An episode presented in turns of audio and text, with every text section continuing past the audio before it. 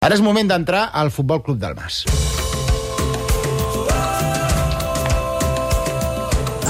Ja no ens alimenten molles, ja volem el pa sencer.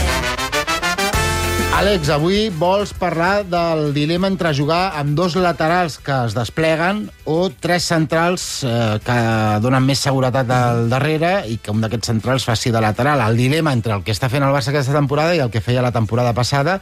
Les dades a la Lliga són més que significatives. Gols a favor aquesta temporada, 21. La temporada passada també 21 gols. En contra, aquí és on hi ha la diferència, 10 gols en contra la Lliga aquesta temporada, 4, només 4, la temporada passada. Àlex, què té de bo jugar amb dos laterals que es despleguen com Cancelo i Valde, com està jugant el Barça aquesta temporada? que generes més, que ets més imprevisible i que per tant ataques millor. Hem de pensar que si, si ens fixem en les dades defensives se'ns en van tots els, els ulls allà, no? però en atac jo crec que l'equip està, està generant més. De fet, a l'equip, si anem a les dades també, està promitjant gairebé un 5% més de possessió de pilota i està promitjant dos xuts més per partit amb la qual cosa és indubtable que, que generes més. És a dir, aquest seria el, el gran punt a favor. I què té de dolent jugar sense aquest tercer central, a vegades era Condé, a vegades era Araujo, per, per eh, tancar amb tres i, i tenir mm -hmm. més solidesa defensiva?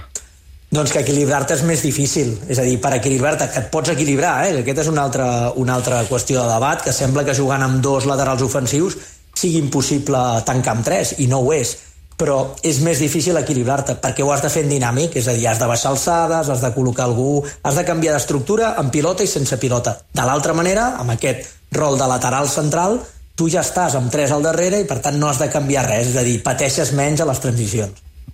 I, i, i dius, es pot també equilibrar l'equip i guanyar una mica de solidesa sense haver de renunciar a Cancelo i Valde, dos laterals que es despleguin per la banda. Com, com ho faries tu? Absolutament, sí que, sí que és possible. A veure, hi ha dos sistemes diferents. Una és amb el pivot, és a dir, quan, quan els laterals superen l'alçada del pivot, jugui qui jugui, doncs aquest es situa entre centrals, centrals s'obren i per tant ja estàs tancant en tres. Aquest és el primer format. El segon format, que és que el lateral de la banda que no ataqui, tanqui, i per tant has de tenir dos laterals que estiguin molt pendents del lateral contrari, que tinguin molta intel·ligència posicional. Bé, eh, sobretot Cancelo és un ànima lliure, no? I això costarà una mica més però també és possible, també seria possible aquesta via. Uh -huh. uh, Ricard, en alguna ocasió, en les últimes setmanes, Xavi ha parlat sobretot de precisió, de falta de previsió per evitar pèrdues i que l'equip no pateixi tant quan, quan uh, li ataquen sobretot amb, amb jugades directes i de velocitat. Tu tens alguna altra idea per, per guanyar solidesa, que sembla que és el, el gran problema del Barça en aquest inici de temporada? Home, doncs li afegiria que Cancelo pugui ser un dels quatre de dintre i que, i que aleshores mm, eh, sacrifiquis un migcampista, per dir-ho manera, no? Mm, eh, tot i això, eh, respecte al que diu l'Àlex, m'agrada més la primera opció perquè perquè la segona, clar, Valde ha d'estirar per una qüestió d'amplitud en atac, per tant no pot estar pendent de Cancelo. Cancelo de Valde una miqueta més, però per Valde és gairebé impossible quan Cancelo va jugar dintre eh, poder, poder tancar. Eh, el queda clar que Xavi ha de trobar una solució i ha d'ajustar defensivament perquè l'equip no pateixi tant en les transicions i que s'ha de prendre alguna decisió des del punt de vista col·lectiu eh, que és l'actualització del pla que la temporada passada la va fer des del davant, des del quart migcampista eh, i el sacrifici d'un extrem doncs aquesta temporada 2023-2024 l'haurà de fer des del darrere. A, a tu t'interessa, Àlex Dalmas, això de l'actualització del pla que comenta el Ricard, eh? Sí, i tant, i tant, que m'interessa perquè és que crec que és el camí. És a dir, per mi, el Barça, el Barça de la temporada passada, un dels grans èxits va ser trobar aquest patró tàctic, on es tirava a Valde i et trobaves amb el quadrat a dins, Uh, I per tant vam veure a l'equip jugant la majoria de partits així i alguns partits molt favorables jugant amb els dos ofensius. Jo crec que aquest any hauria de fer al revés. Hauria de jugar amb els dos ofensius la majoria de partits i després, a moments puntuals, fer-ho. Per què?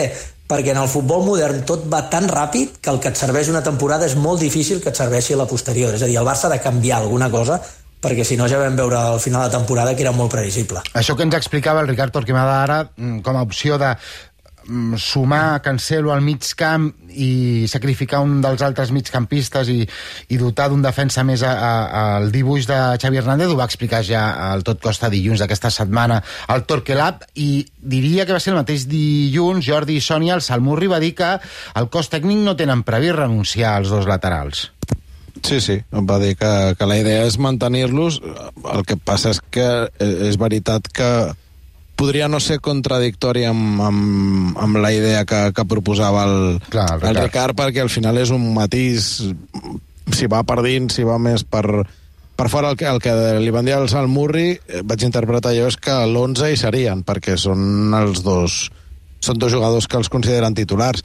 A partir d'aquí, jo, clar, si hem de sacrificar un migcampista perquè Cancelo faci més de migcampista, t'imagines com el més prescindible pel que hem vist a les alineacions Oriol Romeu, però clar, si, si el... És el que et dona més equilibri. Clar. Clar, la, si la funció de tapa al mig del camp l'ha d'acabar Sí, fent sí. Cancelo, no sé, quin, no sé si va ser el dia del Celta, que, que ja va acabar Cancelo fent en, més o menys això. I, Sí, sí, quan, quan Sí, sí, sí. Eh, o sigui, es posa a jugar al mig del camp, eh, perd moltes pilotes, però clar, acaba una passada de gol i un gol.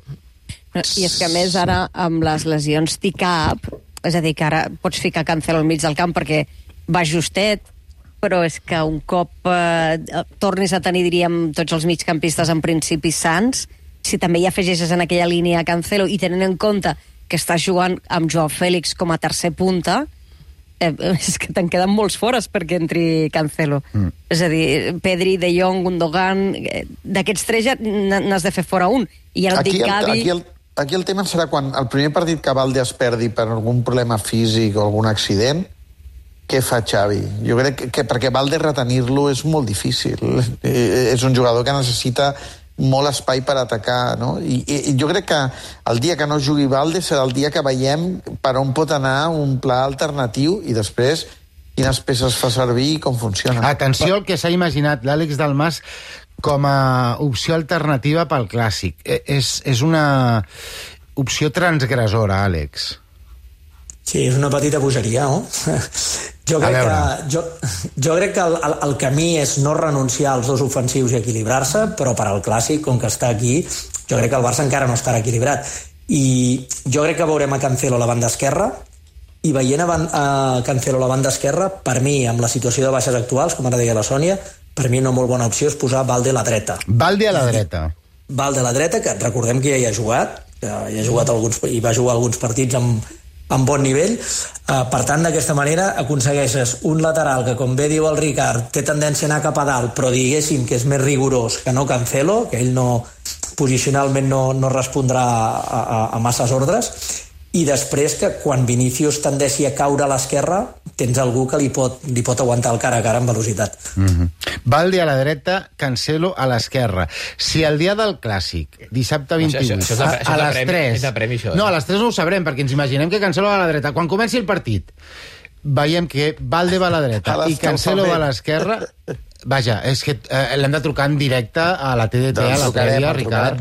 De, però, però escolta'm, és una manera interessant de retenir Sí, sí. Valde. L'única Sí, sí. manera de retenir Valde és canviar-li el perfil i que no pugui córrer cap endavant. Eh, I i, i s'ajusta bé el que diu l'Àlex, que Valde tingui Vinícius al cara a cara i que, en canvi... Eh, que, el que passa és que jo crec que per, per arribar aquí hauríem de veure alguna cosa, alguna cosa similar i no dic el mateix, però que Cancelo jugués algun dia a l'esquerra, perquè mm. encara que ho hagi fet molt al City, una cosa és el, el rol del City i una altra el de lateral esquerra com a, eh, el rol del Barça, però a mi a mi m'agrada la, la, la Això, proposta. això d'un lateral a cama canviada per marcar un jugador, eh, això li recordo a Rafa Benítez, que va posar Arbeloa Sí. de lateral esquerre a marcar Messi en un Barça-Liverpool.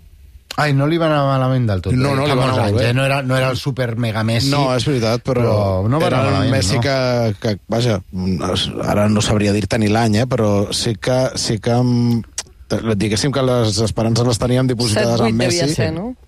i el va, el va anul·lar. 6-7, 6-7. Va ser la Ah, 2006-2007 als vuitens de final, que guanyen Exacte, aquí 1-2 l'última i, i allà guanya 0-1 i, Ah, i no se me'n t'escapa pel gol a Veraix. Sí, sí.